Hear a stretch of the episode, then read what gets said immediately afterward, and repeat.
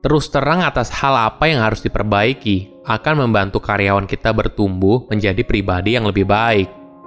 Halo semuanya, nama saya Michael. Selamat datang di channel saya, Sikutu Buku. Kali ini saya akan bahas buku Radical Candor karya Kim Scott. Sebelum kita mulai, buat kalian yang mau support channel ini agar terus berkarya, caranya gampang banget. Kalian cukup klik subscribe dan nyalakan loncengnya Dukungan kalian membantu banget supaya kita bisa rutin posting dan bersama-sama belajar di channel ini. Buku ini membahas soal filosofi manajemen, bagaimana kita bisa memberikan masukan secara jujur tanpa menjadi orang yang menyebalkan. Mungkin kita sering dengar istilah, kalau kamu tidak punya hal baik untuk dibicarakan, lebih baik kamu diam saja. Saran ini mungkin berguna ketika kamu dalam hubungan personal atau keluarga. Namun ternyata hal ini bisa berbahaya di tempat kerja. Radical candor adalah titik keseimbangan antara kamu menjadi orang yang agresif dan empati yang merusak. Intinya, di buku ini Kim akan mengajarkan kita bagaimana memberikan panduan bagi orang lain sehingga mereka bisa memberikan kinerja yang lebih baik dan membantu mereka untuk lebih sukses di masa depan. Saya merangkumnya menjadi tiga hal penting dari buku ini. Pertama, apa itu radical candor? Ide dari radical candor sebenarnya sederhana. Kamu memberikan masukan yang membangun kepada orang lain karena pada dasarnya kamu peduli dengan mereka. Ini adalah tugas penting apabila kamu merupakan seorang pemimpin dan memiliki anak buah. Radical candor menunjukkan kalau kamu bisa memberikan masukan yang berharga tanpa terlihat sebagai orang yang menyebalkan. Tentu saja kita semua sadar kalau kita akan lebih mudah menerima masukan yang lumayan keras dari teman dekat daripada orang asing. Perbedaan dari cara kita menerimanya disebabkan oleh motivasi. Dengan orang yang kita kenal dekat, kita tahu motivasi mereka baik. Kalau mereka ingin membantu kita menjadi lebih baik. Sedangkan dengan orang asing, kita tidak tahu apakah mereka tulus atau mereka hanya ingin menjatuhkan kita saja.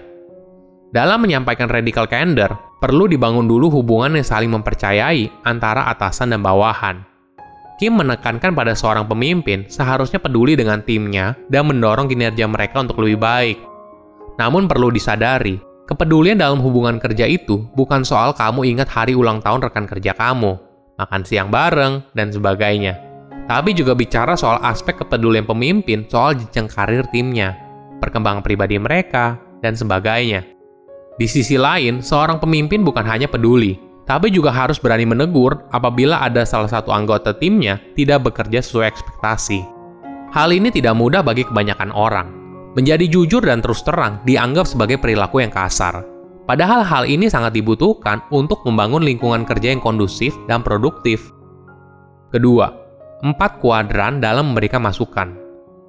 Untuk memahami lebih lanjut tentang apa itu radical candor, Kim membaginya menjadi empat kuadran. Pertama, ruinous empathy atau empati yang merusak. Ini adalah yang kamu lakukan ketika kamu ingin menjadi good guy. Kamu peduli dengan orang tersebut, tapi kamu tidak ingin memberikan dia masukan yang membangun karena takut menyinggung perasaan orang tersebut. Walaupun kedengarannya baik, tapi hal ini bisa berbahaya dalam dunia kerja. Ketika kamu tidak mengungkapkan apa yang harus diperbaiki, anggota tim tersebut tidak tahu apa yang harus diperbaiki. Hingga akhirnya, kinerjanya yang tidak baik malah mempengaruhi keseluruhan tim. Kim bercerita soal Bob. Dia adalah pribadi yang baik, namun kinerjanya buruk sekali. Ketika Bob bilang ke Kim kalau dia khawatir dengan penilaian kerjanya, Kim selalu berusaha untuk menenangkan Bob. Tapi hampir setahun kemudian, Kim baru sadar kalau kinerja buruk Bob ternyata mempengaruhi seluruh anggota tim dan sikap Kim yang tidak berani menegur itulah membuat anggota tim lain yang memiliki kinerja tinggi menjadi tidak puas. Hingga akhirnya, Kim memutuskan untuk memecat Bob karena kinerjanya yang buruk. Situasi itu menjadi sangat sulit. Bob kemudian marah dan bilang, kenapa tidak ada yang pernah kasih saya masukan atas kinerja saya selama ini? Pengalaman ini mengajarkan Kim kalau playing nice bisa berbahaya. Kedua, manipulative insincerity. Ini adalah kondisi di mana kamu tidak peduli dan tidak juga memberikan masukan kepada orang lain. Akar dari manipulatif insincerity adalah kemalasan. Contohnya begini, ketika seorang karyawan presentasi sebuah ide, bosnya malah bilang presentasinya oke, padahal masih banyak hal yang perlu diperbaiki. Bos tersebut memilih bilang oke karena dia malas berdiskusi lebih lanjut dan memberikan masukan kepada karyawan tersebut untuk memperbaikinya. Ketiga, Obnoxious aggression. Ini adalah kondisi di mana kamu tidak peduli kepada karyawan tersebut secara personal, tapi kamu memberikan masukan dengan tegas. Jika tidak dibarengi dengan rasa kepedulian, masukan yang kita berikan akan dianggap sebagai hal yang menyebalkan. Mungkin sederhananya, ini adalah tipe bos yang kasar. Tapi di balik omongan kasarnya, tentu saja ada hal baik yang bisa berguna bagi perkembangan kita secara pribadi. Keempat, radical candor ini adalah kondisi di mana kamu peduli dengan karyawan tersebut secara personal dan kamu tidak ragu untuk memberikan masukan dengan tegas. Kim memberikan cerita yang menarik. Waktu dia pertama kali bergabung di Google, Kim presentasi soal perkembangan penjualan AdSense yang bagus. Saat itu dia sedang gugup. Maklum saja, Kim presentasi di depan CEO dan pendiri Google. Walaupun presentasinya berjalan lancar dan para petinggi perusahaan itu senang, atasan langsung Kim mengajak dia untuk mengobrol. Bosnya lalu bercerita kalau dia senang atas kerja keras timnya dan presentasi Kim yang bagus. Namun di akhir pembicaraan, bosnya bilang kalau Kim terlalu banyak bilang em ketika presentasi. Awalnya, Kim menganggap ini adalah hal yang sepele dan tidak perlu dipusingkan karena toh isi presentasinya kan bagus. Bosnya tetap pada pendiriannya, kalau ini adalah hal serius dan harus diperbaiki. Hingga akhirnya bosnya bilang kalau Kim sering bilang em itu membuat dia terlihat bodoh Padahal sebenarnya Kim itu cerdas. Kim tidak tersinggung atas komentar dari bosnya tersebut, dan masukannya kemudian ditindaklanjuti dengan mengambil kelas presentasi. Perilaku Kim seperti itu karena dia sadar kalau bosnya merupakan orang yang peduli dan ingin agar Kim bisa lebih sukses ke depannya. Ketiga, mengenal anggota tim. Dalam memberikan masukan, penting untuk mengenal dulu siapa tim kamu Informasi ini sangat berharga dan bisa membantu kamu dalam memberikan masukan yang tepat.